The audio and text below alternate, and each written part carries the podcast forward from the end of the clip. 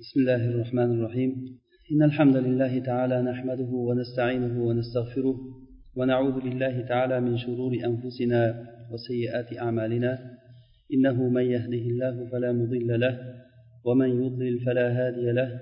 ونشهد أن لا إله إلا الله وحده لا شريك له. ونشهد أن سيدنا وإمامنا وأستاذنا وقدوتنا محمدا عبد الله ورسوله صلى الله عليه وعلى آله وصحابته ومن تبعهم بإحسان إلى يوم الدين وسلم اللهم تسليما كثيرا وبعد السلام عليكم ورحمة الله وبركاته alloh subhanava taolodan madad so'rab fiqh darsimizni davom ettiramiz bizni bu fiqh darsimiz boshqa fiqhiy darslardan ko'ra farqliroq ya'ni bu darsimizda biz ahkomlar haqida suhbatlashmaymiz ya'ni e, tahoratni farzlari namozni vojiblari sunnatlari farzlari deganday biz bu fiqhda fiqni usuli bo'lgan ya'ni maqosidi sharia haqida maqosidi sharia bu shariatni maqsadlari haqida. Bu narsa bizga shariat mutahhar bo'lgan bu pok rabboniy shariatni alloh subhanava taolo odamlarga nur qilib tushirgan bu dinni yaxshi tushunishlikka sabab bo'ladi deb o'ylaymiz. Ya'ni huzayfat ibn yaman roziyallohu anhu aytganlaridek agar kimki dinini tushunsa u fitnaga tushmaydi dedilar. Ya'ni kim dinini yaxshi tushunsa u odam fitnaga uchramaydi. Alloh subhanava taolo hammamizni dinda faqihlardan qilsin. Rasululloh sollallohu alayhi vasallam aytadilar kimgaki alloh taolo agar yaxshilikni xohlasa uni dinda faqih qilib qo'yadi deganlar. Ya'ni man yuridillahu bihi xayron yufaqihu fid din dinda faqih qiladi. Ya'ni dinida faqih bo'lishlik degani bu abu hanifa rahimaulloh va yoki shofiiy yoki imom ahmad malikka o'xshagan faqih degani emas bu. Albatta ular faqihlarni faqihi ya'ni imomlar ular. Lekin bu yerda faqih qiladi degani dinida ongli tushunchalik musulmon qilib qo'yadi. Ya'ni o'zini dinini yaxshi tushungan shariat bizga nimani buyurgan shariat bizdan nimani xohlaydi? Shu narsani biz tushunishligimiz biz uchun har bir musulmon kishiga judayam katta bir ilm bo'ladi inshaalloh. Yana biz bu darsimizdan muftiylik vazifasini o'tashlik emas. Ya'ni e, yoki darsda o'tirgan kishilar bundan keyin tamom e, muftiyga aylanib qoldi degani emas bu. Albatta dinida faqih bo'lishlik kerak bo'lsa sizga aytilingan o'sha muftiyni fatvosini to'g'ri tushuna bilishligingiz. Rasululloh sollallohu alayhi vasallamdan hadis eshitgan paytda shu hadisni to'g'ri qabul qilishlik tushuna bilishlik bu katta baxt bu narsa. Biz o'tgan darslarimizda maqosidi shariya haqida e, muqaddama qildik va maqosidlar nima ekanligini aytib o'tdikki bu shariatni maqsadlari. Maqosid degani shariat bizga alloh subhanava taolo shariat tushirgan paytda nimani maqsad qildi? Imom shotibiy rahimaulloh muvaffaqot kitobida maqosidlarni ikkiga bo'lib ya'ni maqosidun shariya va maqosidun mukallafin bir maqsadlar bor. Alloh taolo bizdan maqsad qilgan maqsadlari bor va mukallaflarni maqsadi ya'ni uni keyin gapiramiz. Shunda shotibiy rahmaulloh asosiy katta qism qilib turib shariatni maqsadlarini to'rtga bo'lgan. Shariatni maqsadlari to'rtga bo'lgan. Hop keyin foyda uchun agar e, kimda agar qog'oz qalam bo'lsa darsni yozib foydalansa ko'proq foyda oladi. Ya'ni yozib foydalanishligi ko'proq foyda bo'ladi endi. Inshaalloh kelasi darsda balkim bu narsaga e'tibor qaratasizlar bu narsa ancha foydali chunki yozib nima qilgan yozgan narsa qoladi eshitgan narsa ba'zan xayoldan chiqib ketishligi mumkin. Ya'ni imom shotibiy rahimaulloh shariat maqsadlarini to'rtga bo'lganlar. Birinchisi birinchi maqsad alloh subhanava taolo shariatni nozil qilishlikdan nimani maqsad qildi? Shariatni nozil qilishlikdan yoki bo'lmasa buni boshqacharoq ta'bir qilib aytsak shariat nima uchun nozil bo'ldi degan savol. Ya'ni shariatni hududlari bu ahkomlar nima uchun nozil bo'ldi? Undan keyin yana uchta maqsad katta maqsadlarni aytgan u bizni hozirgi darsimizni asosiy mavzusi emasligi uchun uni keyinga qoldiramiz. Va mana shu maqsad haqida suhbatlashamiz. Ya'ni shariatni alloh subhanava taolo bizga shariat tushirdi. Qur'on ya'ni sunna. Mana shundan nima maqsad qilingan bizdan? Bizga buyurilgan buyruqlar qaytarilingan qaytariqlar hammasi bir xil tartibda emas. Bir xil ya'ni tartib deganimiz bir xil ta'kidlashlikda bir xil kuch bilan kelmagan. Ba'zi bir buyruqlar bor uni qilmasangiz bo'lmaydi. Ba'zi bir buyruqlar bor u narsani qilsangiz yaxshi qilmasangiz ziyoni yo'q. Mana shu buyruqlarni qanaqangi kelishligi bu buyuruvchini ohangiga qarab o'zgaradi. Yoki buyuriladigan buyuriladigan kishini shaxsiy holatiga qarab o'zgaradi. Bu narsani tohir ibn ashur rahimaulloh maqosidu shariya kitobida rasulullohdan sobit bo'lgan shariat o'n ikki xil tushunsak bo'ladi deb turib shuni o'n ikki xil holatini gapirib bergan. Mana shundan biz bilamizki shariat bizdan maqsad qilgan maqsadlari bir xil ko'rinishda emas. Ba'zi bir buyruqlar bor qilsangiz yaxshi qilmasangiz ziyoni yo'q. Ba'zi bir buyruqlari bor agar o'shani qilmasa insonni dunyosi ham oxirati ham kuyib ketadi va qaytariqlari bor. Ba'zi bir narsalardan qaytargan shariat. Lekin o'sha qaytargan narsalarini qilishlikni unchalik ziyoni yo'q qilmaslik yaxshi. Masalan sarimsoq yeyishlik masalan. Sarimsoqni yeyishlik rasululloh aytdilarki kim mana shu xobis o'simlikni yesa masjidlarimizga kelmasin dedilar.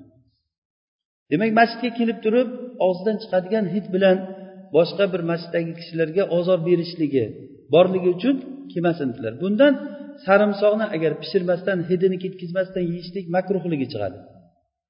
Agar yesa bu harom degani emas bu. Mana shunday agar qaraydigan bo'lsak shariatni buyruq va qaytariqlarini biz buni istiqro deydi arab tilida o'qib o'rganib qaraladigan bo'lsa asosan shariatni bizdan qilingan maqsadlari uchta maqsad qilingan ekan. Shu narsalarni men juda umid qilardimki agar yozganlarida yaxshi bo'lardi uchta narsani maqsad qilgan. Birinchisi zaruriyatlar deyiladi. Zaruriy narsalar ya'ni shariat ba'zi bir buyurgan narsalari ba'zi bir qaytarilgan narsalarni biz tekshirib qaraydigan bo'lsak u zaruriy narsa u zaruratni ta'rifini imom shotibiy rahimaulloh muvaffaqat kitobida shunday ta'rif beradiki zaruriy narsa degani u shunday narsaki agar uni qilmaydigan bo'lsa bu hayotda tamoman hayot nizomi buzilib ketadi. Odamlar tamomiy betartiblikka dunyoda ham oxiratda ham tamom odamlar katta ziyonga uchraydi ya'ni shu ma'noda. Agar u zaruriy narsalar shuki uni qilmasa agar o'sha zaruriy narsa hosil bo'lmasa kishini dunyosi ham oxirati ham ketdi degani. Demak bu o'z uz o'zidan chiqadiki zaruriy deganda biz mana shuni tushunamiz. Biz ommani masalan tilida ko'p eshitamizki masalan hojat degan narsa bor zarurat degan narsa bor. Hojat bor bo'lgan paytda nimalarga ruxsat beriladi? Zarurat bo'lib qolgan paytda nimalarga ruxsat beriladi? Buni albatta biz o'rtasini ajratmasak shariatda kelgan istilohlar ulamolarni so'zlarini tushunmaymiz biz. Masalan ba'zi narsalar bor hojat bo'lgan narsalar bor ba'zi bir ishlar bor bu narsa zaruriy narsalar bor. Bu o'z o'zidan bizga katta bir fiqhni beradiki ajratishimiz kerak ekan. Nima narsa hojat va nima narsa zarurat degan narsani. Demak shariat bizga kelgan masolihlari ya'ni foydalar umuman olganda shariat foyda uchun keldi va zararni ketkazish uchun keldi. Shariatdagi har bir narsa foyda. Har bir buyrug'i foyda har bir qaytargan qaytarig'i ziyon. Avvalambor biz mana shu e'tiqod bilan kiramiz bu, bu ilmga. Shariatda nima buyurilgan bo'lsa bilingki u shu dunyoda yo hozir yo kelajakda foydasi bor. Fotima binti abi qays degan sahobiya erida eri uni taloq qilgandan keyin rasululloh sollallohu alayhi vasallam aytadilarki agar iddang tugasa menga sen e'lon qilib qo'ygin dedilar. Idda tugasa menga e'lon qilgin dedilar. Keyin iddasi tugagandan keyin rasulullohni oldiga kelib ey rasululloh meni iddam tugadi. Meni muoviya bilan e, abu jahm degan sahobiy so'rayapti ikkalasi nikohiga degan. Muoviya bilan abu jahm. Qaysiga tegayin shunda rasululloh aytdilarki ammo muoviya u kambag'al odam. Unga tegadigan bo'lsang qiynalib qolishliging mumkin. Abu jahm bo'layotgan bo'lsa u xotinini uradigan odati bor. Unga ham tegmaganing yaxshiroq ya'ni rasulullohdan maslahat so'radi turmush qilishlik uchun maslahat so'ragan paytda rasululloh sollallohu alayhi vasallam mehribon bir e, u kishiga ota o'rnida mehribon dindosh birodar o'rnida rasululloh sollallohu alayhi vasallam maslahat beryaptilar. Moviya kambag'al unga tegmagin abu jahm xotinini uradigan odati bor. Undan ko'ra sen usomat ibn zaydga tekkin dedilar. Usomat ibn zayd rasulullohni eng yaxshi ko'rgan kishisi bo'lgan usomaga tekkindi lekin usoma ayollar unga rag'bat qiladigan darajada husni bo'lmagan. Usomani bo'yi pastroq rangi qoraroq kishi bo'lgan ekan.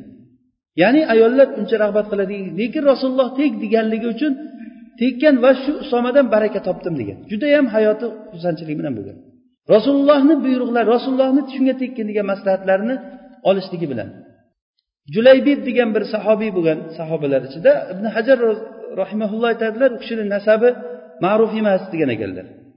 Julaybib degan sahobiy shu kishiga rasululloh bir kuni aytgan ekan juda yuzida xunukligi bo'lgan ekan roziyallohu anhu.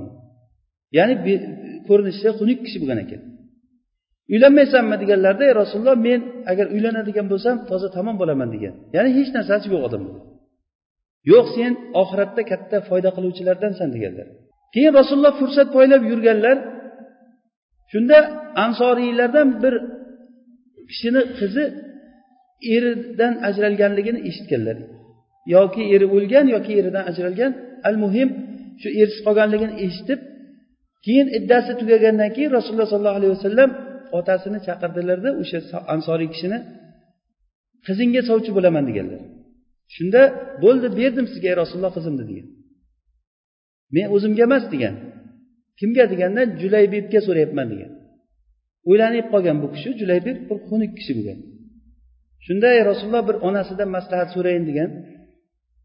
Mayli so'ragin dedilar rasululloh. Borib onasini oldiga borib turib rasululloh qizimizga sovchi bo'lyaptilar deganda onasi ham bo'ldi berdik deydi. Shunda o'zlariga emas degan. Kimga ekan desa julaybibga deganda vallohi unga bermaymiz degan. Kelib kelib julaybibga qizimizni beramizmi? Falonchi so'radi bermadik falonchi so'radi bermadik. Shuncha odamlarga bermay kelib kelib julaybibga beramizmi degan. Boring ayting rasulullohga bermaymiz degan. Mayli deb turib chiqib ketishda qizi pardani orqasida turib turib qayerga ketyapsiz? degan otasiga. Rasulullohga javob berish uchun ketyapman deganda rasulullohni amriga siz yo'q deb kelasiz aytasizmi degan. Men roziman ayting degan. Agar rasululloh aytgan bo'lsalar men tamoman roziman degan. Shunda bu kishi haligi qizini gapini eshitgandan keyin rasulullohni oldiga borib turib rasululloh bo'ldi qizim sizniki degan. Nima qilsangiz shu degandan keyin keyin julaybibga uylantirib qo'yganlar rasululloh. Julaybib roziyallohu anhu bir g'azotda rasululloh sollallohu alayhi vasallam g'azotga chaqirganlarida birinchilardan bo'lib chiqib g'azob tugagandan keyin o'lik nima sahobalarni hammasini kim bor kim yo'q yo'qlama qilish deb shu julaybibni izlab qoladilar topisholmaydi. Maydonni bir yerida yettita mushrikni o'ldirib o'rtada o'zlari o'lib yotgan holatda topadilar. Ya'ni shahid bo'lgan. Rasululloh sollallohu alayhi vasallam aytdilarki julaybib mendan men julaybibdanman degan ekanlar. O'zlarini qo'llari bilan ko'tarib nimaga qabrga qo'ygan ekanlar. O'shanda anas roziyallohu anhu aytadilar hadisni roviysi men o'sha ayolni ko'rdim ansoriya ayolni madina ahlini eng boyi ekanligini ko'rdim degan. Haligi kambag'alchilikdan shikoyat qilgan holatda bo'lganda rasululloh sollallohu alayhi vasallam bu ikkalasini haqqiga duo qilgan ekanlar.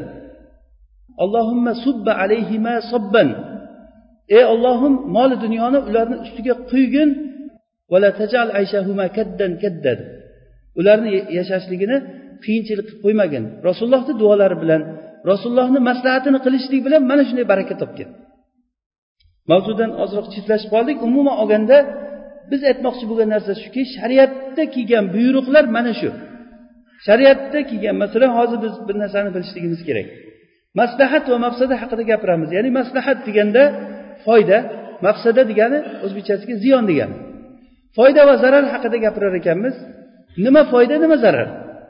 Avval shuni biz aniqlab olishligimiz kerak. Nima foyda nima zarar? Foyda va zararga ikki xil tomondan qarash mumkin. Birinchisi shu hozirgi turgan holati foyda va zararni ikkinchisi uni shar'iy tomoni. Shuni bilingki shariat nimaga buyurgan bo'lsa shu tamom foyda degani bo'ldi. Uni ichidagi ziyon yo'q hisob tamom ketdi degani. Shariat nimadan qaytardimi? U ziyon. Uni ichidagi foydasi yo'q hisob. Imom shotibiy rahmaulloh muvaffaqatida aytganlar va ibn qayyim va tohir ibn oshur va boshqa e, izzid ibn abdussalam umuman maqosidlar haqida gapirgan ulamolar aytishadiki birorta bir foyda deyarli yuz foiz foyda degan narsa yo'q o'zi. Yuz foiz ziyon degan narsa yo'q. Biror bir foydani tasavvur qilingki illo uni qandaydir ziyoni bor o'zi. Yoki bir biror bir ziyonni olsangiz uni qandaydir foydasi bor. Lekin ibrat shariatni buyrug'i va qaytarig'i bilan bo'ladi. Shariat nimaga buyursa bilingki u yuz foiz foyda yo hozir yo kelajakda. Biz foyda deganda faqat shu hozirgi ko'rinishini aytishimiz mumkin bir narsani foyda deb. Uni ortidagi narsani ko'rolmaymiz lekin u kelajakdagi foydasichi oxiratdagi foydasichi haligi sahobiya ayol julaybibga turmushga chiqishlikka rozi bo'lgandan keyin u foyda qildimi ziyon qildimi? Shunday shahid bo'lgan rasululloh sollallohu alayhi vasallamni shahodatlarini olgan rasululloh o'zlarini qo'llari bilan qabriga qo'ygan qiyomatda o'sha turmush o'rtog'i bunga foydasi tegadimi yo'qmi? Bu foydalarni agar hisoblaydigan bo'lsak uni faqat yuzini xunukligi agar ziyon deydigan bo'lsa bu ziyon u odamni keltirgan foydasini hayoti shunchalik barakali bo'lganligini oldida bu ziyon nima bo'ladi? Bu aytarlik ziyon bo'lmaydi u narsa yo'qolib ketayotgan narsa. qisqasi demak mana shu foyda ziyonga mana shu ko'z bilan qarashligimiz kerak biz birinchi o'rinda mo'minman degan odam olloh va rasuli bir narsani buyurgandan keyin unga tamom qalbida biror bir e'tiroz bo'lishligi mumkin emas agar iymon davo qilayotgan bo'lsa وما كان لمؤمن ولا مؤمنة إذا قضى الله ورسوله أمرا أن يكون لهم الخيرة من أمرهم mo'min kishiga va mo'mina ayolga olloh va rasuliga iymon keltirdim degandan keyin olloh va rasuli agar bir buyruqni buyuradigan bo'lsa u u odamlarga menda ixtiyor bor deyishligi mumkin emas. O'ylab ko'ray deyishlik mumkin emas bu ixtiyoriy masala bo'lmaydi bu. Xohlasa qiladigan xohlamasa qilmaydigan masala bo'lmaydi bu iymon masalasi bu. Modomiki bu iymon davo qilyaptimi tamoman bunga yuz foiz taslim bo'lmaguncha iymonli bo'lmaydi kishi.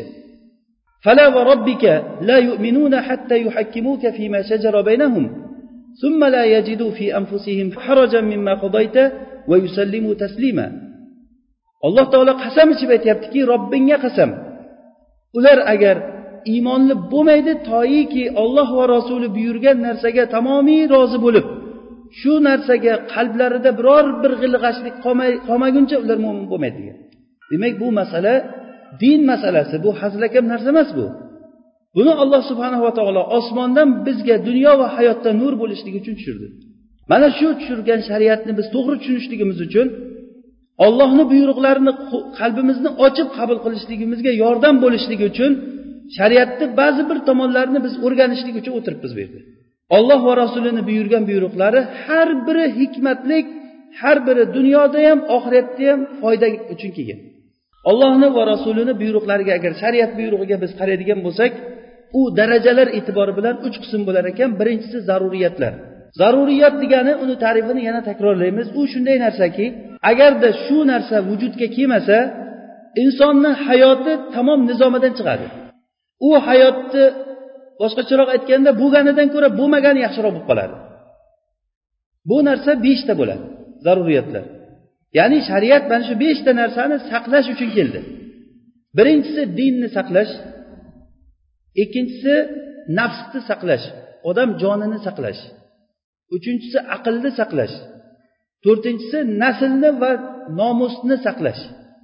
Izzat obro'y deymiz nomus deymiz. Beshinchisi molni saqlash.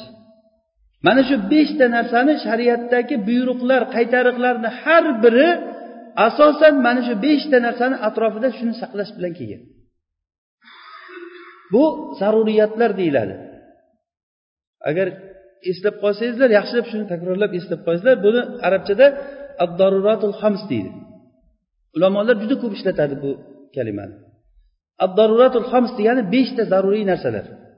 Shariat mana shu narsalarni saqlash uchun kelgan. Ya'ni bular shunday narsaki agar shu narsalar bo'lmasa masalan din. Agar din bo'lmaydigan bo'lsa insonlarni hayoti nizomidan chiqib ketadi. Bu hayotni boridan ko'ra yo'g'i yaxshi bo'lib qoladi. Balki u odamlardan ko'ra dinsiz odamlardan ko'ra hayvonlar yaxshiroq bo'lib qoladi. Buni hozir voqeda hammamiz ko'rib turibmiz. Dini yo'q odamlarni yashash tarzini ko'ring. Oldidan chiqqan narsani yeydi xayoliga kelgan narsani gapiradi va ular mana shu bilan baxt saodatga erishish uchun qiladi shu ishlarni. Lekin bu narsa ulardan baxt saodatni ketkazib qo'yganligini o'zlari ham bilmaydi. Qiziq joyi ular ziyonga tushib qolgan odam ekanligini o'zlari his qilmaydi. Ala innahum humul mufsiduna valakin la yash'urun. O'zlari mufsid odamlar lekin ular sezmaydi. Ular o'zlarini yo'qotgan odamlar. Hosiru anfusahum degani o'ziga ziyon qilgan qiyomat kunida molini yo'qotgan oilasini bola chaqasini yo'qotgan emas uy joyini yo'qotgan emas balki o'zini yo'qotgan. Tamom tamom bo'lgan odam degan. Demak mana shu zaruriyatlar deganda birinchisi din. Shariat mana shu dinni saqlash uchun keldi. Ikkinchisi nafs nafsni saqlash uchun keldi. Dinni saqlash uchun iymon keltirishlikni vojib qildi. Ibodatlarni hamma turi dinni saqlash uchun kelgan. Namozni oling ro'zani oling zakotni oling ibodatlar hajlar hammasi ibodatlar dinni saqlash uchun kelgan. Va nafsni saqlash uchun shariat buyruq va qaytariqlari keldi. Nafsni saqlashlik uchun nima qildi? Odam o'ldirishlikni harom qildi. Uylanishlikni vojib qildi odamlarga. Targ'ib qildi shu narsaga. Bola tug'adigan ayol bola tug'maydigan ayoldan ko'ra yaxshiroq dedilar.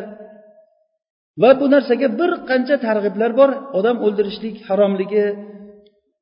Mana shu narsalar hammasi aylanib qarasa agar odamlarni nafsni saqlash uchun nafs deganda odam joni ruhi. Ya'ni voqeda shu hayotda inson zoti ko'payishligini shariat xohladi. Inson zotini cheklaydigan odamlar bolalar mana bunchadan o'tmasin degan odamlar shariatni eng qo'ygan maqsadiga teskari chiqqan bo'ladi. Shariatni eng birinchi maqsadi dinni tarqatishlik. Odamlar o'rtasida dinni joriy qilishlik. O'sha uchun shariat payg'ambarlar yubordi. Payg'ambarlarga odamlarga hech haq olmasdan haqni yetkazishlikni vojib qildi. Birorta odamdan haq olmasdan haqni ro'yi rost gapirasizlar. Yashirishlik mumkin emas. Payg'ambarlardan keyin ulamolarga mana shu vazifani topshirdi. Odamlardan pul olib turib dinini o'rgatadigan pul olib turib bir yaxshi narsani gapiradigan ulamolarni bular qancha vaidlar keldi. Qur'oni sunnada. Ularga haqni yashirishlik mumkin emas deb ahli kitob berilgan ahli ilm bo'lgan odamlarga haqni oshkor aytasizlar va uni yashirmaysizlar degan ahdlarni oldi alloh taolo. Mana bu bilan amri ma'rufni vojib qildi nahiy munkarni vojib qildi. Ulamolar bilgan narsalarni ta'lim berishligi bular hammasi dinni saqlashlik uchun shariatni buyurgan buyruqlari va nafsni saqlashlik uchun shariat mana nikohlanishlikka buyurdi odam o'ldirishlikdan qaytardi va uchinchisi aqlni saqlashlik uchun. Aqlni saqlash uchun shariat aroq aroqni harom qildi aqlni ketkazadigan hamma narsani harom qildi. Kullu muskirin xomrun va kullu xomrin haromun dedi rasululloh sallallohu alayhi vasallam. Har bir mast qiladigan narsa xamirdir va har bir xomir haromdir dedilar aroqni ichgan odamga o'nta odamga aroq nimasida o'nta odam la'natlanib kelgan. Uni ichuvchisi ham olib keluvchisi ham tayyorlab beruvchisi ham buyuruvchisi ham birga o'tirgani ham hammasi. Kim hissasini qo'shgan bo'lsa o'sha la'natlandi. Nega bunchalik la'nat keldi aroqqa? Chunki aroq aqlni ketkazadi. Shariat aynan shu aqlni saqlab turishlikni xohladi. Qancha joylarda aql qilishlikka fikr qilishlikka tezlab keldi. Afala taqilun? Afala yatafakkarun?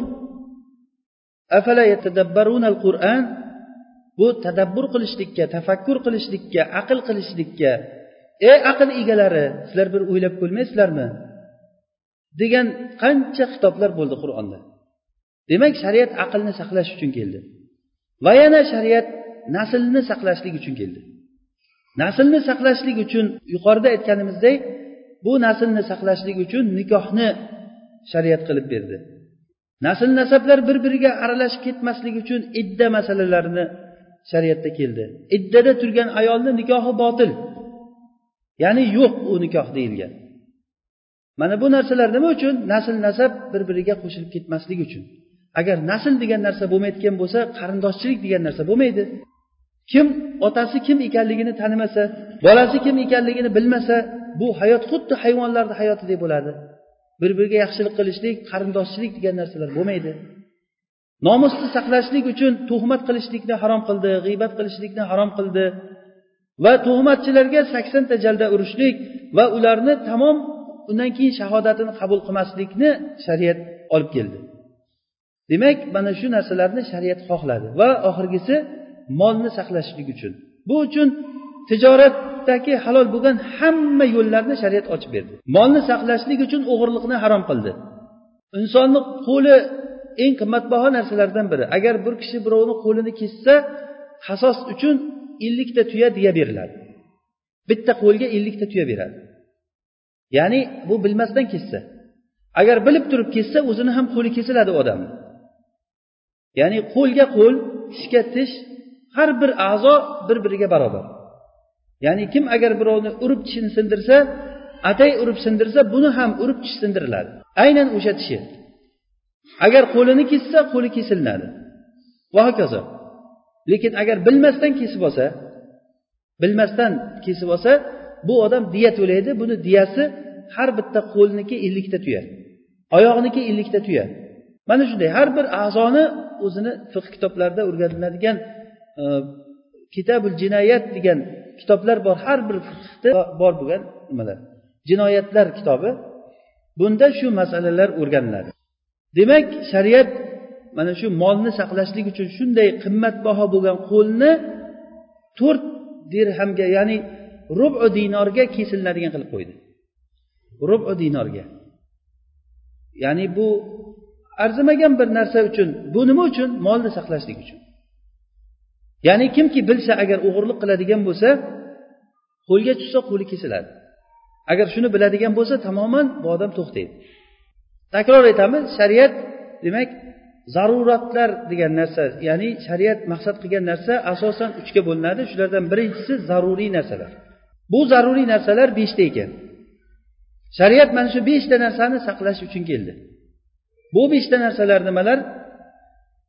Dinni saqlash va nafsni saqlash aqlni saqlash nasl va nomusni saqlash ikkosi bitta. Ba'zi ulamolar shu ikkosini ikkiga bo'lishadi. Va oxirgisi molni saqlash. Mana shu beshta narsani shariat maqsad qilib keldi buni otini zaruratlar deyiladi. Zaruratlar ya'ni bu haqida zaruratlar haqida inshaalloh buni tushunib olsak keyinchalik bu boshqa shuni ustiga quriladigan qoidalar bor. Keyin unisini tushunamiz. Shariat mana shu beshta narsani ikki tomondan saqlab keldi. Birinchisi bu arab tilida aytganda janibul vujud ikkinchisi janibul adam. Ya'ni shariat uni vujudga keltirish birinchi o'rinda. Ikkinchisi vujudga kelgandan keyin uni saqlab turish ketkazmasdan. Masalan birinchi din deydigan bo'lsak dinni vujudga keltirishlik uchun iymonni vojib qildi amri ma'rufni vojib qildi bu narsalar dinni keltir hamma ibodatlarni bizga o'rgatdi. Bu dinni saqlab turishlik uchun. Ammo buni ketishdan saqlab qolishlik degani o'sha murtad bo'lgan odamni o'ldirishlikni shariat buyurdi. Ya'ni kim agar dinga kirib keyin dindan chiqadigan bo'lsa u odam o'ldiriladi. Shariatni hukmi shu yerda kechirish degan narsa yo'q. Agarda tavba qilsa tavbasi qabul qilinadi yana shariat dinga qaytadi agar yo'q bo'ldi menga bu din yoqmadi ketaman deyotgan bo'lsa u odam o'ldiriladi. Nima uchun shu shariat qilingan? Dinga kirishlikka majburlash yo'q. La ikroha fi din dinga kirishlikka majburlash yo'q. Ammo kirgandan keyin chiqaman desa uni jazosi o'lim. Bu narsani shariat aytishlikdan maqsad dinni saqlab qolishlik uchun aytilingan buni aytishlikdan maqsad dinni saqlab qolishlik uchun aytilingan agar shunday shariat bo'lmasa din saqlab qolinmaydi. Odamlar dinga kiradi sal og'ir kelgandan keyin bo'ldi chiqaman deydi. Bir kishi dinga kiraman qiziqaman degandan keyin dinga qiziqtirgan bir kishi da'vat qilgandan keyin da'vatni eshitib dinga kirib bo'lgandan keyin aytgan ekanki endi seni xatna qilamiz degan. Nega degandan keyin biz shariatimizda shunday xatna qilish kerak bo'lmasa chiqaman men degan. Chiqsang kallang ketadi degan. Bu qanaqa shariat bu? Dinga kirsanglar ham kesyapsizlar chiqsanglar kallani kesasizlar biz shariatimiz mana shunday. Xohlang shu. Shariatga kirishlikka majburlash yo'q. Ya'ni shariatga kirishlikka la ikroha fiddin shariatga kirishlikka agar islom bir joyga kirib boradigan bo'lsa bir shahar fath bo'ladigan bo'lsa o'sha joyni odamlari tepasi ochib qo'yilgandan keyin islom ularga ro'para qilinadi. Xohlasanglar musulmon bo'linglar hamma bizdagi bor huquqlar sizlarda ham bo'ladi. Xuddi bizga o'xshagan odam bo'lasizlar. Agarda istamasanglar sizlar shu kufrda qolaverasizlar lekin musulmonlarga jizya to'lab turib yashaysizlar. Mana bu la ikroha fiddin degan oyatni tushunchasi. Ammo musulmon bo'lgandan keyin agar bo'ldi men chiqib ketaman la ikroha fiddin islomni ko'rdim menga yoqmadi endi boshqa dinga o'taman desa buni jazosi murtadlarni jazosi bo'ladi. Murtadni jazosi o'lim yoki tavba qilishligi so'ralinadi. Agar tavba qilsa qildi qilmasa o'ldiriladi. Tavba qilsa yana islomga qaytsa uni tavbasi qabul qilinadi. Ya'ni bu o'zini holatiga qarab aytiladigan masala.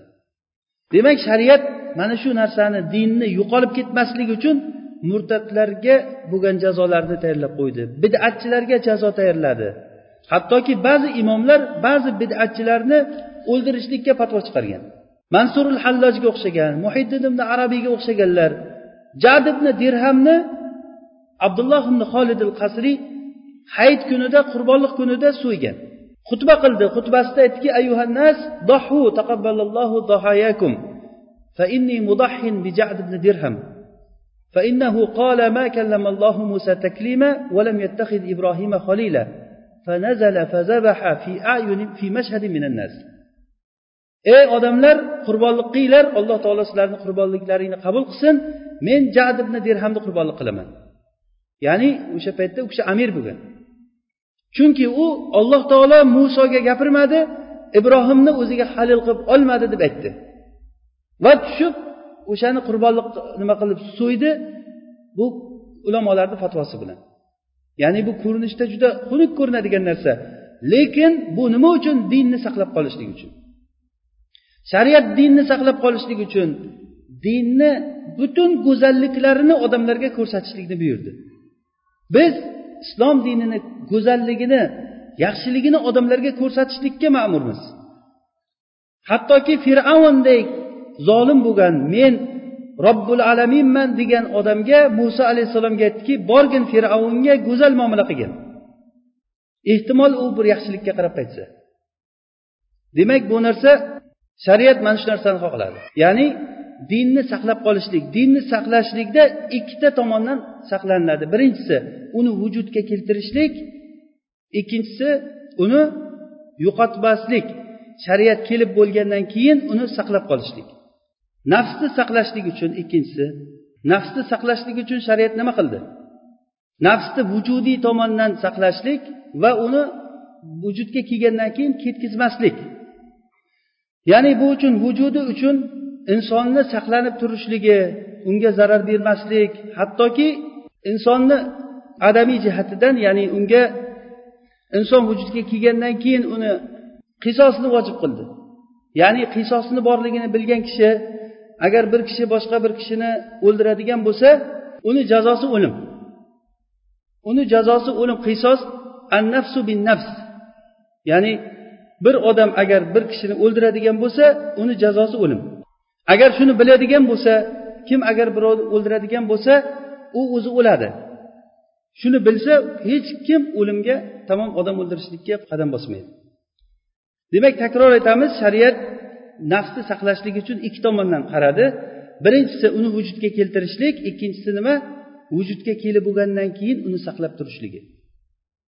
Yoki uchinchi shariat saqlash kelgan narsa nima? Aqlni saqlashlik. Aqlni saqlashlik uchun shariat aqlni ishlatishlikka tezladi. Ya'ni qur'onda sunnatda aqlni ishlatishlikka qancha tezlashlar kelgan. Va shu aqlni endi bo'lgandan keyin ketib qolishligidan saqlashlik uchun ketib qolishligidan saqlashlik uchun aroqni harom qildi. Demak bu aroq aqlni ketkazadimi? Mana shu narsani shariat harom qildi. Ya'ni bu ham ikki tomondan. Ham uni vujudga keltirishlik va vujudga kelib bo'lgandan keyin buni ketib qolishligidan saqlash. Agar buni misol uchun aytsak xuddiki bir daraxt ekishlikda shariatni bir daraxt deb tasavvur qilsangiz agar shu daraxtni vujudga keltirishlik uchun uni ekish kerak va unga suv berish kerak unga sharoitini qilib berish kerak mana bu uni vujudga kelishlik uchun bo'lgan shartlar. Ammo uni chekkadan bir ziyon kelib turib uni ziyon berib qo'ymasligi uchun uni bir mol yeb ketmasligi uchun yoki bir boshqa odamlar kelib turib uni sindirib ketmasligi uchun shuni oldini olib turishlik mana bu narsa uni yo'qotib yubormaslik uchun bo'ladigan narsalar. Shariat ham xuddi shunday misoli. Uni birinchidan vujudga keltirishlik keyin vujudga kelib bo'lgandan keyin uni ketib qolishligidan saqlab turishlik. Va bundagi boshqa bir shariatda kelgan buyruqlar qaytariqlarni qaraydigan bo'lsak hammasi mana shu ikkita tomondan kelaveradi. Yo uni hosil qilishlik yoki hosil bo'lib bo'lgandan keyin uni ketib qolishligidan saqlash. Va naslni saqlashlik uchun shariat uni vujudga keltirishlik uchun nikohni shariat qildi va bunga targ'ib qildi odamlarni ko'p bo'lishligiga tezladi va bitta ikkita uchta to'rttagacha uylanishlikni shariat bu narsani joriy qildi. Nima uchun? Chunki agar shunday bo'lmasa inson zoti bu dunyoda qolmaydi. Va buni oldini olishlik uchun odam o'ldirishlikni harom qildi. Naslni saqlashlik uchun unga buyurdi va uni oldini olishlik uchun zinoni harom qildi. Boya aytganimizdek idda masalalarini chunki idda agar bo'lmaydigan bo'lsa ayollar taloq qilingan ayollar eri o'lgan ayollar agar iddada turmaydigan bo'lsa nasl saqlanib qolmaydi. Nasl saqlanib qolmagandan keyin odam o'zi kimni o'g'liligini kim otasi kimligini bilmasa bu hayot tamoman buzuq hayotga aylanadi. Bu hayotni boridan yo'g'i yaxshi qoladi. Va oxirgisi molni saqlashlik uchun shariat molni saqlash uchun tijoratlarni hamma tomonni ochib berdi. Harom bo'lgan narsalarni harom qildi birovni molini yeb qo'ymaslik uchun. Riboni harom qildi nima uchun ribo? Birovni molini nohaq yeyishlik bor riboda. Mana shu uchun shariat o'sha riboni harom qildi va boshqa tijorat yo'llarini hammasini ochib berdi va molni yo'qotishlikni oldini olishlik uchun molni behuda sarflashlikni shariat qaytardi. Buxoriy rahimaulloh rivoyat qilgan hadisda rasululloh sollallohu alayhi vasallam aytdilar alloh taolo sizlarni to'rtta narsadan qaytaradi ya'ni to'rtta narsani yomon ko'radi. Qiyl va qol va kasratu sual va idoatul mal va mana mana shu to'rtta narsani qaytargan. Ya'ni bularni biri molni zoyi qilishlikdan qaytargan. Ya'ni mol o'zimda ekan deb turib xohlagan ishini qilaverishligi shariatga to'g'ri kelmaydi bu. Shariat buni istamagan. Birinchidan har bir kishini qo'lidagi mol uni o'zini moli emas u. U shariatni moli alloh taoloni mulki. Bu bir qancha o'rinda qur'onda aytadiki valillahi mulku samavati val ard. Osmonlar va yerni mulki ollohniki ya'ni bu sizni qo'lingizdagi pul ollohniki bu. Alloh taolo sizga bergan ana shu narsani olloh xohlagan joyga ishlatsangiz siz omonatga xiyonat qilmagan bo'lasiz. Uni zoyi qilishlik olloh xohlamagan ishni qilgan bo'lasiz. Yoki bo'lib ham uni haromga sarflasangiz. Olloh bergan omonatni haromga sarflaydigan bo'lsa bu nihoyatda bir munkar ishni qilgan bo'ladi u kishi. Va buni yo'qolishligidan saqlashlik uchun o'g'irliqni jazosini shariat tuzdi. Ya'ni jinoyatlarni hammasi mana shu hozirgi aytgan beshta narsani yo'qolishligidan saqlaydi. Kitabul jinoyat degan fiqda kitob bor. O'sha jinoyat kitobida dinni saqlashdan yoki nafsni saqlash yoki aqlni saqlash yoki naslni saqlash yoki molni saqlash bularni har biriga shariatda jinoyatlar qo'yilgan. Masalan o'g'rini qo'lini kesishlik. Poraxo'r to'g'risida qancha nimalar kelgan? Pora chunki pora bilan ishlashlik bu boshqa bir kishini molini yo'qotishlikka olib keladi. Va odam o'zini o'zi molini topgan molini yoqib yuborishligi mumkin emas. O'zi topgan bo'lsa ham buni yoqishligi mumkin emas. Chunki bu molda boshqa odamlarni ham haqqi bor. Qolaversa bu mol o'ziniki emas bu. Alloh taoloni omonati uni qo'lidagi. Yo'q men ishlab topdimku deydigan bo'lsa qarasin atrofga qancha qancha ishlagan odamlar bor ularga alloh taolo bermayaptiku. Qancha ishlaydi undan ko'ra ko'p mehnat qilgan odamlar bo'lishi mumkin. Lekin ular shuncha ishlagani bilan hech narsa yo'q qo'lida. Balki qarzdor bo'lib qolganlar bor. Ishlab ishlab qarzdor bo'lib qolganlar bor. Demak buni bilishlik uchun alloh taolo odamlarga ko'rsatishlik uchun ichimizda birimizni ishimiz yaxshi bo'lib ketsa ikkinchimizni ishi orqaga qarab ketganligini alloh taolo ko'rsatib qo'yadiki ko'zlaringni ochinglar mulk ollohniki ishlagan odam boyib ketaveradi degani emas bu. Olloh bersa bo'ladi. Mana qur'onda nechta joyda keldi? Valillahi mulku samavati val ard. Valillahi mirosu samavati val ard. Osmonlar va yerni mulki ollohniki osmonlar va yerni merosi ollohniki hammasi bizni o'zimiz ham bizni qo'limizdagi narsalar ham hammasi ollohniki alloh taolo bizga berdi shuni va bizga buyurdi shuni o'zi xohlagan joylarga ishlatishlikni. Mana shuni oldini olishlik uchun molni zoyi qilmaslik uchun shariat bizga qancha narsalarni olib keldi. Demak bu qisqa qilib aytganimizda shariatda kelgan buyruqlar va qaytariqlar hammasi mana shu beshta narsa atrofida aylanadi. Shu beshta narsa zaruriy narsalar deyiladi. Buni saqlashlik uchun shariat ba'zi narsalarga buyurdi ba'zi narsalardan qaytardi. Masolihlarni ya'ni foydalarni ikkinchi qismi bu hajiyatlar deyiladi. Ya'ni hajiyat birinchisi zaruratlar hozir aytgan beshta narsa zaruriy narsalar. Ikkinchisi bu hojiy narsalar ya'ni insonni hojati tushadigan narsalar. Buni shotibiy rahimaulloh muvaffaqotda shunday ta'rif beradiki hojiyat degan narsalar u shunday narsalarki agar u bo'lmaydigan bo'lsa insonni hayoti qiyinchilikka tushib qoladi. Zaruriy narsalarda nima dedik agar u bo'lmaydigan bo'lsa hayot nizomi buziladi. Odamlar u hayotda yashagandan ko'ra yashamagani yaxshiroq bo'lib qoladi. Dunyoda ham oxiratda ham husroni mubinga uchraydi deb aytgan edik. Ammo bu hojiyatlar unaqa emas. U bo'lmasa ham hayot ketaveradi lekin odam qiynalib qoladi. Lekin odam qiynalib qoladi. Mana shu qiyinchilikni ko'tarishlik uchun shariat mana shu hozirgi yuqorida aytgan beshta narsani atrofida shu hojat bo'lib qolgan narsalarni insonlarga alloh taolo nimaga hojati tushsa odamlarni o'shanga yo'l ochib berdi va agar uni qilib turib odamlar qiynalib qolayotgan bo'lsa o'shani insonlardan ko'tarib yubordi. Masalan ruxsatlarni hammasi shunga kiradi. Shariatda kelgan ruxsatlar ibodatlar bobidagi ruxsatlar bo'lsin muomalatlar bobidagi ruxsatlar bo'lsin hammasi mana shu hojiyatlarga kiradi.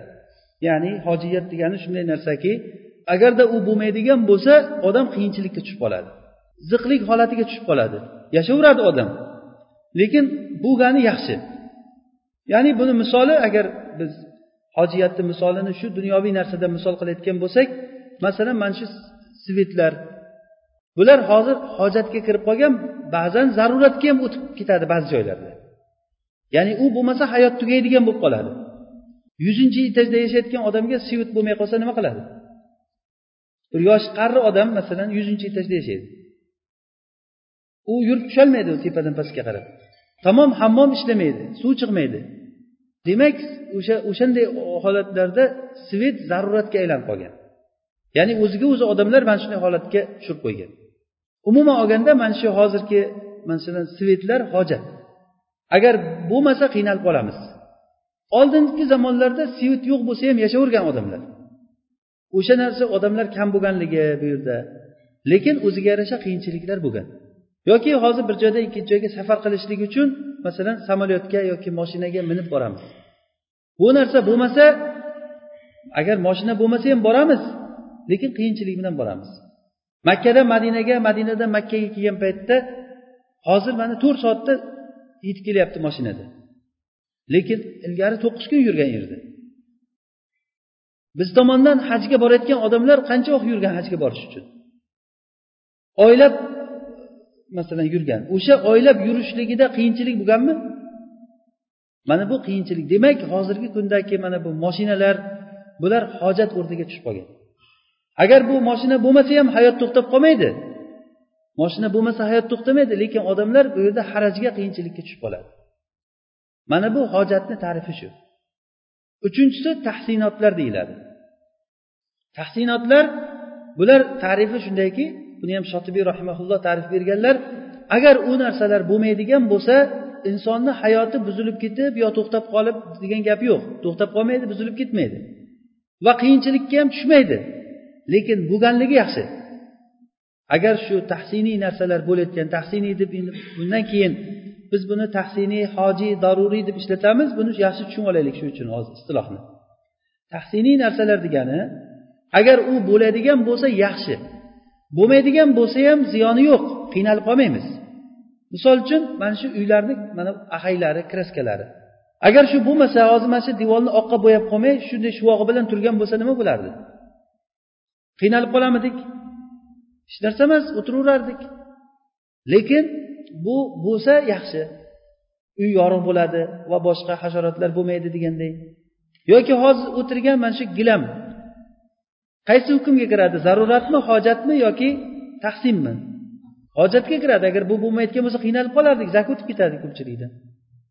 Bu o'tirishda o'tirolmasdik agar gilam bo'lmasa. Demak shunday tasavvur qilingki agar u narsa bo'lmasa qiynalib qolasizmi? U hojatdagi narsalar. Masalan kiyim kiyishlikni olamiz. Kiyim kiyishlik masalan sibirdagi odamlar uchun kiyim nima? Zarurat narsa. Lekin issiq o'lkadagi odamlar uchunchi issiq o'tib ketmasligi uchun hojat. Lekin issiq yo'q mo'tadil joylardachi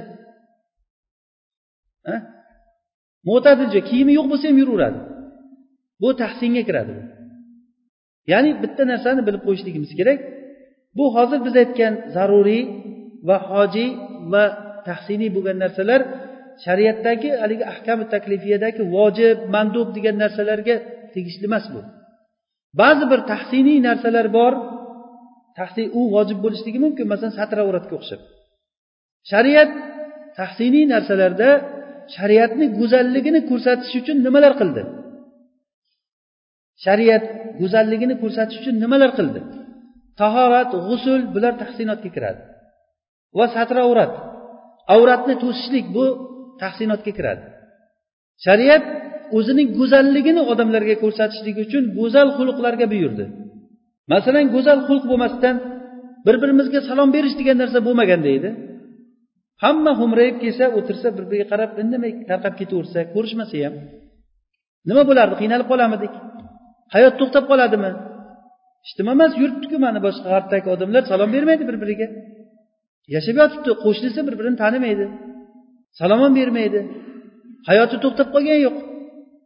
Qiyinchilikka ham uchrab qolmaydi odam. Lekin bu go'zallik degan narsa bo'lmaydi. Mana shu go'zallikni keltirish uchun shariat tamomiy butun ahkomlarni hammasida go'zal narsalarni bizga ko'rsatdi. Hattoki jonivorlarni so'yish paytida ham وإذا قتلتم فأحسنوا القتلة وإذا ذبحتم فأحسنوا الذبحة فليحد أحدكم شفرته وليرح ذبيحته sizlar agar o'ldirayotgan bo'lsanglar yaxshi o'ldiringlar chiroyli o'ldiringlar oddiy bir pashshani o'ldirmoqchi bo'lsangiz ham qo'lingizga olib qanotini yulib tashlab keyin bu qanotini yulib tashlab bu shariat qaytargan bu narsadan mana bu tahsinotga kiradi bu ham shariatni go'zalligi bu O'ldirmoqchimisan mayli o'ldir lekin yaxshi o'ldir. Xuddi haligi bir bidatchi bo'lgan bir sobiq degan kishi. Mutashobihatlar haqida so'rab yurgan madinaga kelib turib hammani boshini og'ritib vazzariyati zarva u nima degani? Falhamirati viqro bu nima degani?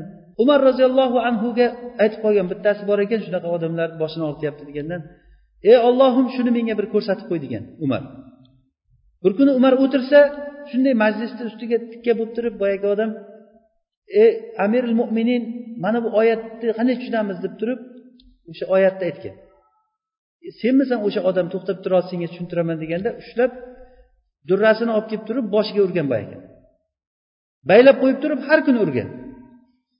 Haligi odam aytganki agar amiril mo'minin o'ldirayotgan bo'lsangiz yaxshiroq o'ldiring degan.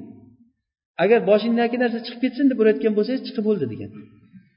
Bo'ldi mana shunday bo'lsin chiqib ketgan bo'lsa deb turib keyin qo'yib yuborgan. Ya'ni agar o'ldirsa yaxshiroq o'ldirishlik agar so'ysa yaxshiroq so'yishlik ya'ni hayvonni so'yganda ham bir go'zal so'yishlikka buyurilingan.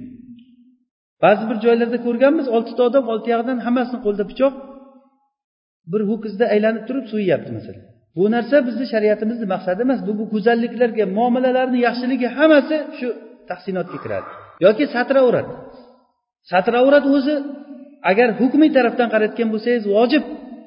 Lekin u tahsin uchun kelgan. Shariatni go'zalligini ko'rsatish uchun kelgan. Satr avrat degan ayollarni hijobi. Ayollar hijobda yurishligi niqobda yurishligi bu go'zallik uchun. Muomalalar hammasi shunday. Rasululloh sollallohu alayhi vasallam aytganlar men go'zal xulqlarni tamomiy nihoyasiga yetkazishlik uchun yuborildim dedilar. Mana bu hamma muomalada ko'rinadi. Masalan qo'shnichilikni olasizmi yoki boshqa ahkomlarni olasizmi hammasida bor bo'lgan narsa bu. Masalan uyni olsangiz hozir. Uylar yashab turgan uylarni hukmi zaruriyga kiradimi yo hojiga kiradimi yoki tahsiniga kiradimi? Zaruratga kiradi sovuq joylarda. Mana hindistonda qancha odam ko'chada yashab yotibdi o'lib ketgan yo'q odamlar. Demak uy qayerdadir hojatga kiradi. Lekin uyi bo'lsa yaxshi ularni ham. Narsalari turadi. Uyi bo'lsa ovqat qilib yeydi. Lekin bo'lmasa ham yashab yotibdi o'lmayapti. Yoki masalan o'rmonlarda yashaydigan odamlar qabilalar bor masalan. Uy yo'q lekin yashab yotibdi sovuq o'lkalarda bo'layotgan bo'lsa unda uy bo'lmasa o'ladi yaxlab. Mana bunda hayot to'xtaydi. Mana bu zaruratga kiradi. Demak biz tarifdan shunday tushunamizki uchta narsani ham zarurat degani agar u bo'lmaydigan bo'lsa hayot to'xtaydi hojat degani agar u bo'lmaydigan bo'lsa u bo'lmaydigan bo'lsa hayot to'xtab qolmaydi lekin qiyinchilikka uchraydi odam. Tahsin degani u hayot ham to'xtamaydi qiyinchilikka ham uchramaydi lekin u bo'ladigan bo'lsa go'zal bir ish bo'ladi. Shariatdagi mandubotlar hammasi tahsinotga kiradi. Mandubotlar aksari ya'ni hammasi aksar mandubotlar tahsinotlarga kiradi. Ya'ni shariatni go'zalligini ko'rsatishlik uchun. Go'zal muomalalar makarimul axloqlar satr avratlar hijoblar va boshqa boshqa ishlar bular hammasi tahsinotlarga kiradi. Biz bu narsani nima uchun o'rganamiz buni? Hozir buni aytishligimizdan maqsad shariatda kelgan shariatda kelgan buyruq va qaytariqlarni biz muhim va muhimiga amal qila olishligimiz uchun. Endi shuni biz tartiblashtirib ko'ramiz endi. Buni ahamiyatini hozir suhbatimiz davomida bilamiz. Masalan shariat hozir beshta narsani zaruriy narsani maqsad qildi dedik. Birinchisi dinni saqlashni ikkinchisi nafsni saqlashlikni. Shu ikkovsini olib qarang. Agar ikkovsini saqlashlik bir biriga kelib qolsa shunday holat turibdiki agar buni saqlasangiz bu qolmaydi buni saqlasangiz bu qolmaydi. Shunda shariat nimani maqsad qildi? Qaysini ushlab turishlikni maqsad qildi? Masalan nafs. Hozir agar shu nafsni saqlab qolsangiz diningiz tushib ketadi qo'lingizdan. Din qo'ldan ketadi. Agarda dinni ushlab qolsa nafs ketadi. Mana shunda shariatni maqsadi qaysisini muqaddam qilishlikni maqsad qildi. Biz shuni bilishligimiz kerak. Bu har bir narsaga hayotingizdagi har bir narsaga tegishli bo'ladi bu narsa. Buni ismini fiqda fiqhul avlaviyat deb ataydi. Bu uchun kitoblar yozilgan. Fiqhul avlaviyat degan kitoblar bor. Ya'ni avlo bo'lgan eng muhim bo'lgan narsani kishi bilishligi. Muhim bo'lgan narsani bu dunyo hayotida inson o'zi uchun muhim bo'lgan narsani biladi. Masalan ertalab turgandan keyin birinchi nima qilish kerak? Undan keyin nima qilish kerak? Eng muhim bo'lgan narsalarni birinchi o'ringa qo'yadi. Ikkita narsa kelib qolsa agar jamlashni iloji bo'lmay qolsa ikkovsini ham qilish kerak bo'ladi. Agar ikkovsidan bittasini tashlab yuborish kerak bo'lsa foydasi qaysi ko'proq bo'lsa shuni qilib buni ustidan kechadi. Demak shariatda birinchi o'rinda shariatni maqsad qilgan narsasi dinni saqlashlikni maqsad qildi. Ya'ni fil jumla umuman qaraganda shariat dinni saqlash uchun keldi. O'sha uchun jihodni shariat vojib qildi. Jihodda qancha odamlar o'lib ketadi? Lekin o'shanday bo'lsa ham shariat bu narsani xohladi odamlar o'lsa ham o'sha narsada. Qanchalik qirilib ketsa ham o'sha narsani bo'lishligini shariat xohladi chunki o'shani orqasida dinni saqlab qolishlik bo'lgandan keyin. Agar u bo'lmasa din saqlab qolinmaydi. Endi hozir savol tug'ilishligi mumkin. Masalan majburlangan paytda kishi bir majburlansa kufr kalimasini aytishlik borku. Demak kufr kalimasini aytasan deb bir odam o'ldiraman seni deb xuddi ammor ibn yosirga o'xshab. Kufr kalimasini aytishlikka majburlasa ruxsat bor kufr kalimasini aytishlikka. Shu yerda hozir nafsni saqlash bilan dinni saqlash kelib qoldi. Nafsni saqlayapmizku dinni saqlamasdan. Desa bu yerda din tushib ketgan emas tilda kufr kalimasini aytishlikka ruxsat berildi. Bu degani din tushib ketdi degani emas bu. Ammo agar jihod qilinmasa din tushib ketadi tamom. Mana bu holatni yaxshi bilishligimiz kerak.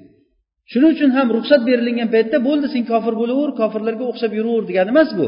Kufr kalimasini til bilan aytib ya'ni illaman ukriha va qalbuhu mutmainnun bil iymon ya'ni majburlansa ham tili bilan kufr kalimasini aytgani bilan lekin qalbi iymon bilan xotirjam bo'lishlik kerak. Mana bu narsani tushunishligimiz kerak. Demak bu narsani fiqhil avlaviyat degan narsani avloni oldinga qo'yishlik uchun birinchi o'rinda tartibda din turadi.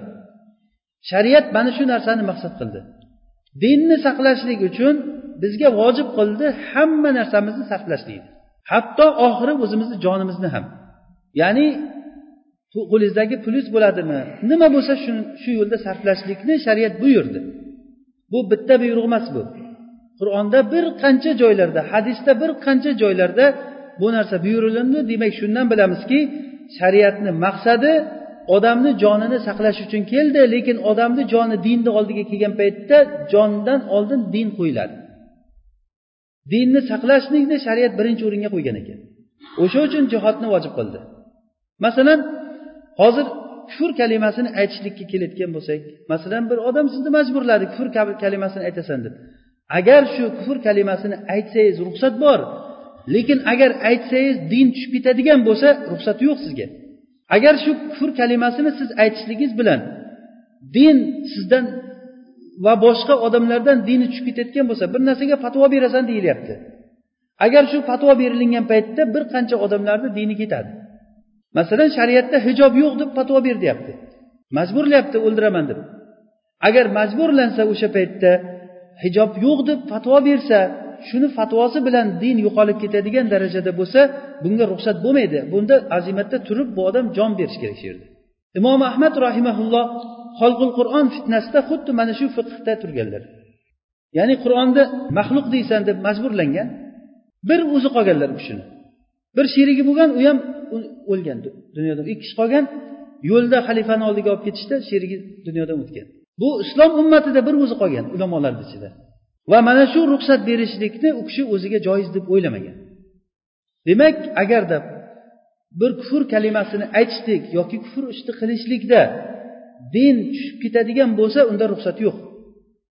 Ammo faqat til bilan aytadigan bo'lsa din hech qanaqangi tushib ketmasa odamni o'zida qolayotgan masala bo'lsa bunda kufr kalimasini aytishlik ruxsat agar aytmasdan o'sha narsada azimatni ushlashlik bu avlo va yaxshi ish bo'ladi. Ya'ni shahid bo'ladi.